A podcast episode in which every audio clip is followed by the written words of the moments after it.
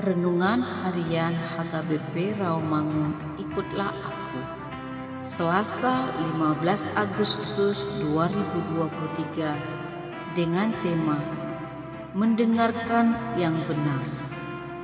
Bacaan kita pagi ini tertulis di dalam Injil Markus pasal 8 ayat 1 sampai 10 dan bacaan kita malam ini tertulis di dalam Injil Yohanes pasal 6 ayat 60 sampai 66.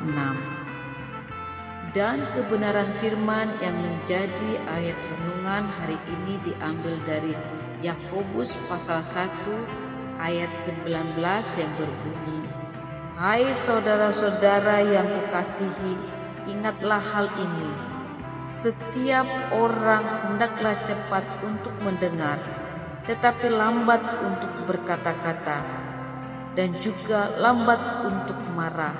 Demikian firman Tuhan. Sahabat, ikutlah aku yang dikasihi Tuhan Yesus. Renungan harian ini adalah suatu peringatan yang sangat keras buat kita semua yang mengatakan sebagai pengikut Tuhan Yesus. Yakobus mulai menggarisbawahi bahwa kita harus lebih rendah untuk mendengar daripada untuk berbicara. Kalau kita terlalu banyak berbicara, kita menonjolkan diri kita, pendapat kita, kehendak kita.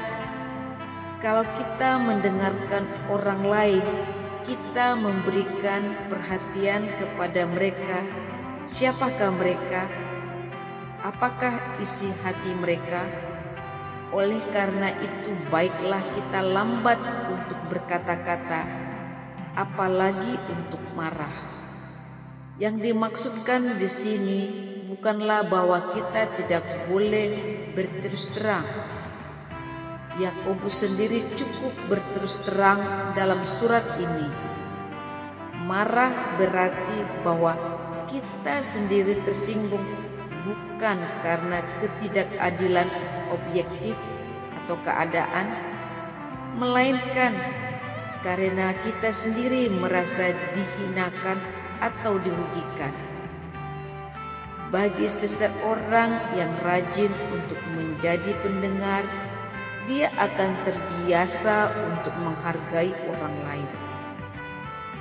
Nats ini adalah teguran bagi kita yang masuk dalam kategori penguasa harus didengar tanpa mau mendengar.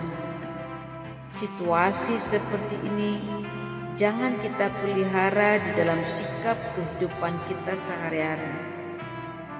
Karena banyak sekali keuntungan dan kebaikan kalau kita lebih banyak mendengar daripada banyak berkata-kata. Kebenaran tidak datang dari pikiran manusia, akan tetapi kebenaran itu berasal dari Tuhan. Nasihat Yakobus dalam renungan hari ini adalah supaya kita hendaknya lebih cepat untuk mendengar daripada berkata-kata agar kita tanggap. Amin. Marilah kita berdoa. Tuhan Yesus ajarkan kami melatih diri untuk lebih banyak mendengar daripada berkata-kata agar sikap kami dapat menjadi khotbah yang hidup bagi orang di sekitar